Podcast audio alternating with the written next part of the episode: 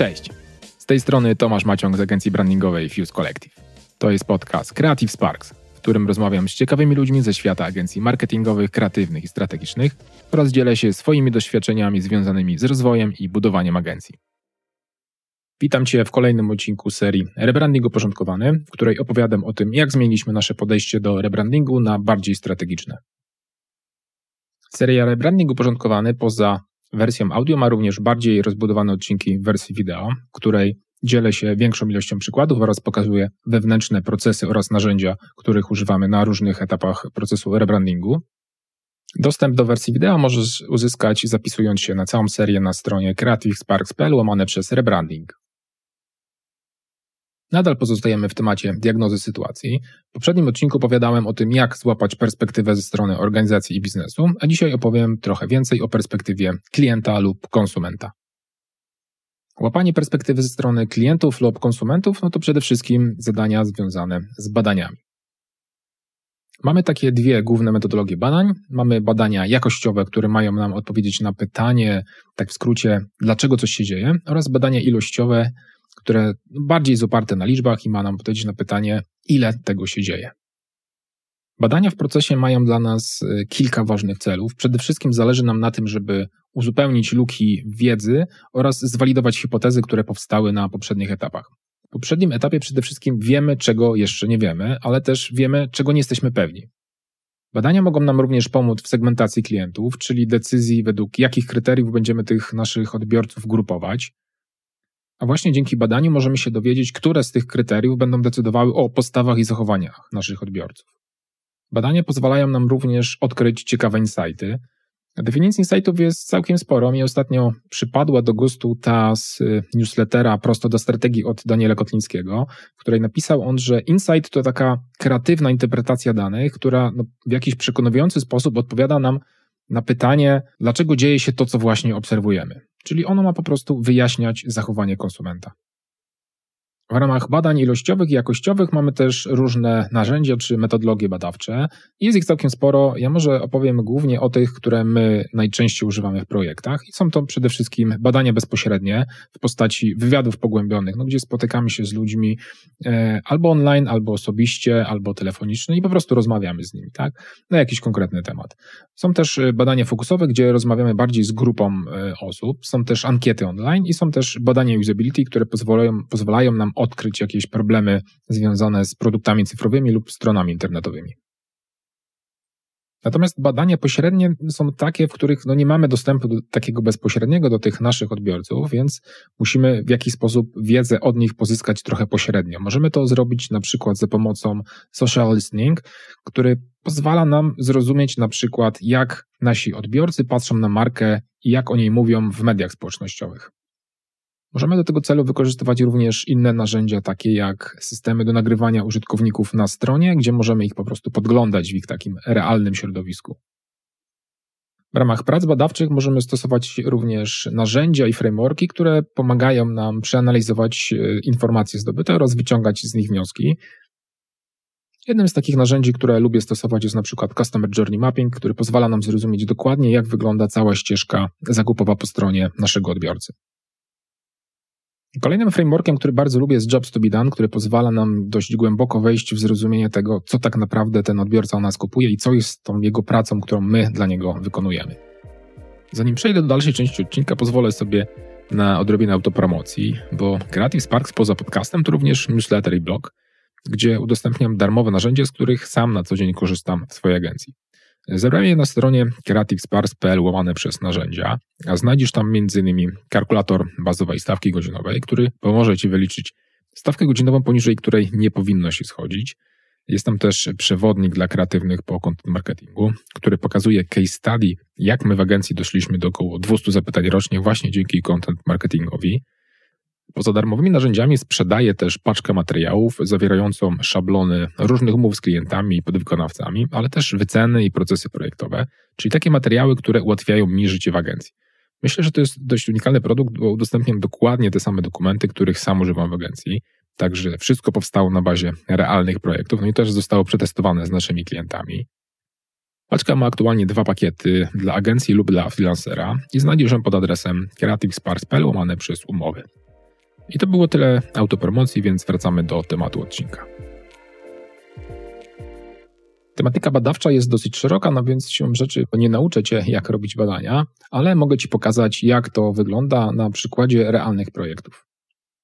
Jednym z ciekawszych projektów badawczych, który prowadziliśmy przy okazji rebrandingu, był projekt realizowany dla Fundacji Ptaki Polskie, która zajmuje się ochroną ptaków i przyrody oraz też edukacją w tym zakresie.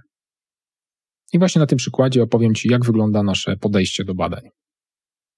Przed każdym badaniem musimy sobie zdefiniować, co chcielibyśmy się dowiedzieć, tak? Czyli określić sobie zagadnienia badawcze, a w zasadzie pytania badawcze. W przypadku organizacji Ptaki Polskie chcieliśmy się zorientować, jak są postrzegani. Tak? Chcieliśmy wiedzieć, jak duża jest znajomość towarzyszenia, jakie idą za nim skojarzenia oraz jak bardzo ludzie kojarzą działania związane z organizacją. Ważnym zagadnieniem badawczym było też zrozumienie historii e, ludzi, którzy się w jakiś sposób angażują w tą ochronę przyrody i zrozumienie, jak wyglądał ich timeline zaangażowania, tak? Od kiedy zaczęli, jakie czynniki wpływały na tą decyzję, jakie były kluczowe momenty w tym całym procesie. Byliśmy też ciekawi, jak przyroda i ochrona przyrody wpisuje się w życie codzienne ludzi, tak? Co oni robią na co dzień związanego właśnie z przyrodą lub ochroną. Chcieliśmy też odkryć motywacje związane z zaangażowaniem w ochronę przyrody. Zależało na tym, żeby zrozumieć, dlaczego się ludzie angażują w takie, a nie inne działania, tak? Komu pomagają przede wszystkim, co ich pcha do tego, żeby się zaangażować, ewentualnie z kim po drodze rozmawiają na całym tym procesie. Oczywiście chcieliśmy też poznać ich frustrację, czyli to, co ich blokuje przed działaniem i dlaczego są jakieś bariery, które ich blokują właśnie przed zaangażowaniem się. W przypadku tego projektu mieliśmy miks badania ilościowego i jakościowego. Jeśli chodzi o badanie ilościowe, były to ankiety online. Mieliśmy tutaj dużo szczęścia, bo okazało się, że organizacja ma taki dosyć duży profil e, na Facebooku, który się nazywa Jestem na Ptak. On miał tam około 20 tysięcy E, followersów, więc udało nam się w sumie w ankietach zebrać 730 osób. E, jednocześnie te ankiety posłużyły nam do tego, żeby e, zrobić selekcję, czyli tak zwany screener do wywiadów pogłębionych, które przeprowadzaliśmy w kolejnym etapie. Czyli w praktyce w ankietach pytaliśmy o te rzeczy, na których nam zależało. Na samym końcu zadawaliśmy pytanie, czy ktoś by chciał z nami jeszcze porozmawiać trochę, trochę głębiej, wejść w te tematy, na których nam zależy. No i prosiliśmy tam o zostawienie kontaktu do siebie. Drugim etapem były wywiady pogłębione, gdzie już porozmawialiśmy z 20 osobami. Ja zauważyłem, że wystarcza nam gdzieś tam w granicach 4-6 osób na segment, który chcemy przebadać, czyli segment, który ma jakieś konkretne swoje charakterystyki związane z zachowaniami. Tutaj nam zależało na trzech segmentach, czyli na ludziach, którzy się w ogóle nie angażują w ochronę przyrody, żeby zrozumieć, dlaczego tego nie robią, ludzi, którzy chcieliby się zaangażować, ale nie bardzo wiedzą, jak to zrobić, oraz ludzi, którzy się mocno angażują. W praktyce przeprowadziliśmy z nimi wywiady albo telefoniczne, albo online'owe, które trwały około 30-45 minut. I one były prowadzone przeze mnie. I tu też ciekawostka, to był ten pierwszy projekt, w którym zaangażowałem naszych projektantów właśnie w proces badawczy, także każdy z nich mógł sobie prze, przeprowadzić dwa wywiady, żeby zrozumieć, że to, to, to też nie jest jakoś super bardzo trudno. Oczywiście było na początku trochę stresu, ale generalnie bardzo wartościowe doświadczenie. Rekrutację do wywiadów pogłębionych robiliśmy właśnie za pomocą tej poprzedniej ankiety, ale również wśród znajomych i na Facebooku, tak żeby złapać e, grupę osób, która będzie trochę inna od tych, którzy są e, już jakby fanami i to, to stowarzyszenie w jakiś sposób trochę kojarzą. W praktyce przed każdym badaniem przygotowuję sobie plan. W tym wypadku był to plan ankiety, w którym były dokładnie rozpisane wszystkie pytania, jak one brzmią oraz jaki jest cel każdego z pytań. Także w tym wypadku, na przykład, jeśli zależało nam na tym, żeby się dowiedzieć, jakie działania ludzie podejmują, czyli spróbować ich trochę zakwalifikować według poziomu działań, no to mogliśmy im zadać w ankiecie takie pytanie. Które z działań podejmujesz regularnie, aby chronić przyrodę? I tutaj mieli do wyboru listę odpowiedzi e, z takiej dosyć sporej listy, na przykład segregacja śmieci, niezaśmiecanie natury, oszczędność prądu, wody i gazu, ograniczanie użycia foli foliówek, dokarmianie ptaków, przekazywanie 1% podatku na organizacje chroniące przyrodę i jeszcze cała seria innych odpowiedzi, które określały właśnie różne elementy zaangażowania. Ankiety dały nam przede wszystkim wgląd y, w to, jak wygląda ta nasza grupa, na przykład od strony demograficznej, także mogliśmy zrozumieć, jak oni wyglądają pod kątem wieku, płci, że jest tam 80% kobiet i dużo mniej mężczyzn, bo właśnie 20%, ale byli ludzie z różnym wykształceniem, o różnej lokalizacji i też z różnym statusem. Niektórzy pracowali, niektórzy byli emerytami lub rencistami, część w ogóle nie pracowała, ale dla nas ważne było zrozumienie ich nastawienia do ochrony przyrody. I tu się okazało, że połowa tej grupy działa w podstawowym zakresie, czyli zajmuje się na przykład segregacją, przekazuje 1% podatku, gdzieś tam kupuje produkty ekologiczne, 28% świadomie i aktywnie działało na rzecz ochrony przyrody, a 18% chciało się bardziej zaangażować, ale nie wiedziało jak pomóc. Także finalnie okazało się, że mamy tam bardzo świadomą i dojrzałą i dobrze wyedukowaną grupę, która e, stanowiła taki dość dobry obraz idealnego odbiorcy naszego stowarzyszenia, ale to też nie jest grupa, która jest tożsama z populacją kraju. Dowiedzieliśmy się też, że znajomość organizacji jest stosunkowo niska, bo prawie połowa osób w ogóle nie znała lub słabo znała samą organizację. Jeśli chodzi o pierwsze skojarzenia, no to tylko 36% kojarzyło ich z ochroną ptaków i przyrody, czyli z korem tej ich działalności, więc coś tam z komunikacją tego, co robią, nie do końca jest tak, jak powinno. Przed wywiadami pogłębionymi zawsze robimy sobie selekcję użytkowników, czyli staramy się dobrać taką grupę, która będzie z jednej strony w miarę różnorodna, z drugiej strony będzie odpowiadała nasze potrzeby badawcze. Czyli w tym wypadku zależało nam tym, żeby ta grupa demograficznie była dosyć zróżnicowana. Także różny wiek, różna płeć, różne wykształcenie, tak, lokalizacja z większych miast, z małych miast, ale też ze wsi. Ale nam najbardziej zależało na tym, żeby złapać osoby, które mają różne nastawienie do ochrony przyrody. I tutaj zrobiliśmy finalnie selekcję 20 osób, gdzie cztery z nich działały w takim podstawowym zakresie. Trzy się chciały bardziej zaangażować, ale nie wiedziały jak pomóc. Siedem działało bardzo świadomie i bardzo aktywnie, a cztery określiło siebie jako pasjonatów przyrody i pomagają jej na każdym kroku. Przed każdym takim badaniem przygotowuję sobie scenariusz wywiadu, właśnie żeby z jednej strony wiedzieć też, na co będę zwracał uwagę podczas, podczas naszej rozmowy. No tutaj zależało mi właśnie na tym, żeby zrozumieć trochę, jak wygląda timeline, jak wyglądają motywacje, jak wyglądają kryteria decyzyjne zaangażowania, jakie są bariery, co ludzi pcha do działania, tak? jakie są frustracje. Taki scenariusz zawiera przede wszystkim jakieś wprowadzenie, które pozwoli nam wytłumaczyć ludziom, dlaczego chcemy z nimi rozmawiać, oraz już konkretną listę pytań. Czyli tutaj możemy zacząć od jakiegoś luźnego tematu, na przykład czym się zajmujesz na co dzień. A potem wchodząc już w konkretne rzeczy, czy w konkretne zagadnienia, możemy się zapytać na przykład, no jak się zaczęła Twoja przygoda z naturą lub ogólnie z przyrodą, czy z ochroną przyrody. Ten scenariusz zawsze staram się przetestować na jednej, dwóch osobach, żeby rzeczywiście doprecyzować sobie pytania, wiedzieć w jaki sposób je zadaję i jak, jakie odpo jakich odpowiedzi mogę się spodziewać. Same pytania w scenariuszu są dla mnie bardziej sugestią, o co zapytać, a nie dokładnie w jakiej formie będę o to pytał, bo to sobie dopasowuję w trakcie rozmowy, żeby te rzeczy wynikały bardziej naturalnie. W przypadku organizacji Ptaki Polskie badanie dało nam całe masę insightów, które fundacja mo może wykorzystać pod kątem na przykład planowania zadań w przyszłości, a my możemy je wykorzystać do e, na przykład e, procesu rebrandingu oraz tworzenia komunikacji, która będzie bardziej rezonowała z naszymi odbiorcami. Praktyce podczas prezentacji raportu z takiego badania zależy mi na prezentacji trzech rzeczy. Po pierwsze insightu i nazwania w jaki sposób tego insightu, po drugie wytłumaczenia o co chodzi w tym insightie i po trzecie wsparcie tego wszystkiego cytatami z uczestników badania. I z badania na przykład okazało się, że lokalność działania ma dla ludzi bardzo duże znaczenie. Tak? Po prostu ludzie chcą mieć wpływ na swoje otoczenie i dlaczego, dlatego chętniej angażują się w działania, które dotyczą ich najbliższej okolicy.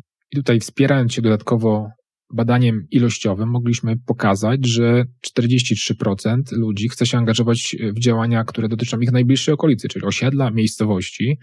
38% jeszcze bliżej, czyli domu i mieszkania, czy samego swojego gospodarstwa, a tylko 12% chciało się angażować w działania, które mają bardziej ogólnopolski charakter. Bardzo ciekawym insightem, który można wykorzystać zarówno podczas planowania przyszłych akcji, jak również w samej kreacji marki, jest to, że empatia i pasja do przyrody ma korzenie w młodości. Do tej pory pamiętam cytat jednej dziewczyny, która opowiadała o tym tajemniczym klimacie ogrodu babci. Dowiedzieliśmy się również, że ludzie dużo chętniej angażują się w działania, które są grupowe. Po prostu we dwójkę lub kilka osób jest raźniej. Po prostu ludzie stanowią dla siebie bardzo dużą motywację i taki impuls do działania. I też okazało się, że no 47% osób wskazało, że ich największą przeszkodą w braku działania jest to, że nie mają ludzi w otoczeniu, z którymi mogliby wspólnie coś zrobić. W trakcie badania chcieliśmy też zrozumieć, jak wygląda przekazywanie 1% i czym jesteśmy w stanie w jakiś sposób wpłynąć na te, te decyzje. Okazało się, że dwa razy więcej osób podejmuje decyzję bardziej świadomą i bardziej przemyślaną. Dość niewielki odsetek e, osób robiło rzeczywiście jakiś research lub reagowało na jakąś informację czy reklamę w momencie, kiedy tą decyzję podejmowali, więc te decyzje impulsywne były bardzo rzadkie. Okazało się też, że osobami, które najbardziej wpływają na ten cały proces, jest rodzina i znajomi. Dużo mniejszą wagę grała tutaj znajomość samej organizacji czy zaufanie do organizacji. Więc z perspektywy działań może się to przełożyć na takie podejście, żeby zmobilizować ludzi, którzy już nam pomagają i którzy już są zaangażowani, żeby oni byli takimi naszymi ambasadorami i zachęcali ludzi do wspierania i przekazywania 1%. Badanie pomogło nam też w segmentacji klientów, czyli zrozumieniu, według jakich kryteriów możemy pogrupować naszych odbiorców i które z tych kryteriów rzeczywiście w jaki sposób decydują o tym, jak ludzie się zachowują. Jednym z kryteriów był na przykład obszar i zakres działania. I tutaj mieliśmy lokalnego aktywistę, lokalnego edukatora, który skupił się bardziej na tej części edukacyjnej i też aktywnego działacza, ale bardziej na własnym podwórku. Ze względu na obszar zainteresowań mieliśmy ludzi, którzy no bardziej się angażowali w te tematy z, z uwagi na to, że no są pasjonatami na przykład ptaków, a druga grupa miała szersze zainteresowania takie przyrodnicze, czyli na przykład związane ogólnie z przyrodą, czy z, z klimatem, czy na przykład również z weganizmem. Kolejnym kryterium była motywacja i mieliśmy tutaj y, tak zwanego przyrodnika pasjonatę, który no działa czysto z pasji, czysto z takiej emocji i empatii wobec przyrody i ptaków, ale mieliśmy też bardziej świadomego aktywistę, który działa no właśnie ze świadomości, że coś trzeba robić. Dzięki temu mogliśmy też zdefiniować profil naszego idealnego odbiorcy, czyli zrozumieć, jacy są ludzie, do których najłatwiej trafia nasz przekaz. I mieliśmy tutaj dwie grupy. Ta bardziej aktywna, która coś robi, coś działa, to są ludzie, którzy mogą być bardziej wydokowani, mieszkają w mieście, najczęściej też mają rodzinę, bo mogą właśnie angażować członków rodziny w te swoje działania, mają już jakieś zainteresowania związane czy z przyrodą, czy, czy z ochroną przyrody. I mamy tą drugą grupę, taką bardziej pasywną, która chciałaby coś robić, ale nie za bardzo ma z kim i nie wie też, jak się zaangażować. Czyli za pomocą tej naszej bardziej aktywnej grupy będziemy mobilizować tą bardziej pasywną, poszerzając y, grupę odbiorców i zwiększając zasięg naszych działań. Drugi przykład, o którym opowiem, dotyczy procesu badawczego realizowanego dla Castoramy przy okazji realizowania projektu serwisu internetowego Kuchnie, który miał wspierać klientów Castoramy podczas właśnie zakupu lub remontu kuchni. Drugi przykład jest dostępny wyłącznie w tej rozszerzonej wersji wideo. Także gorąco zachęcam do zapisania się na całą serię na stronie creativesparks.pl łamane przez rebranding. Zdaję sobie sprawę, że temat badawczy może wyglądać trochę strasznie na początku, więc stwierdziłem, że też podrzucę Ci trochę sugestii, jak można się tego wszystkiego nauczyć. Ja miałem trochę szczęścia, że Zanim zacząłem się w ogóle interesować strategią, to e, rozwijałem też swoje kompetencje UX-owe, więc e, no, tamta tematyka badawcza była dla mnie dosyć naturalna, tak? Więc e, moje kompetencje badawcze w zasadzie były zbudowane od podstaw jako badacza UX-owego. I do tej pory pamiętam chyba największą wartość, najlepiej wydane pieniądze na warsztaty w trakcie konferencji UX Poland, gdzie prowadziła je ekipa z Booking.com. To były dwudniowe warsztaty, gdzie pierwszego dnia w trzy godziny Pokazali nam metodologię i pokazali dobre praktyki i wysłali nas na miasto, do Warszawy, żeby przeprowadzić rozmowy i wywiady właśnie z, z ludźmi, którzy są menedżerami w hotelach. Oni nam omówili te rozmowy, więc to był jakiś, jakiś plus i fajna, fajna wartość. Rzeczywiście mogliśmy sobie te rozmowy przeprowadzić, no ale to był taki skok na, na głęboką wodę, ale powiem Wam, że bardzo mocno to e, mnie oswoiło z tematem badawczym i pokazało, że to nie jest takie trudne. Więc moja sugestia jest taka, że może warto na początek poszukać czegoś, co będzie bardziej UX-owe, bo z tego co kojarzę, nie ma chyba na rynku warsztatów badawczych pod kątem marketingu czy pod kątem brandingu przede wszystkim, tak? Więc no to po prostu trzeba się przełamać, trzeba to zrobić. Ja ze swojej strony mogę podrzucić e, dwie ciekawe rekomendacje. E, byłem na warsztacie z Jobs to be done u Wojtka Kutuby. Naprawdę polecam super warsztat. Wiem, że Wojtek prowadzi różne warsztaty UX-owe, także warto zerknąć na jego, na jego stronę. Jeśli chodzi o same pytania pod kątem na przykład ankiet czy pod kątem wywiadów, e, no to ja mam taką swoją bazę już zbudowaną przez lata, ale mogę podrzucić bazę pytań od ekipy od Maze, aplikacji Maze, jest tam naprawdę ogromny bank pytań, tam jest ich chyba około 350. One są pogrupowane na, na różne obszary, na różne cele, więc można sobie rzeczywiście odfiltrować to, czego potrzebujemy. I to było tyle na dzisiaj, jeśli chodzi o poznawanie klientów i konsumentów poprzez badania. W kolejnym odcinku skupię się na tym, jak podchodzimy do analizy kategorii otoczenia, żeby spróbować zrozumieć, gdzie możemy się pozycjonować i jak nas wyróżnić. Cześć i do usłyszenia w kolejnym odcinku.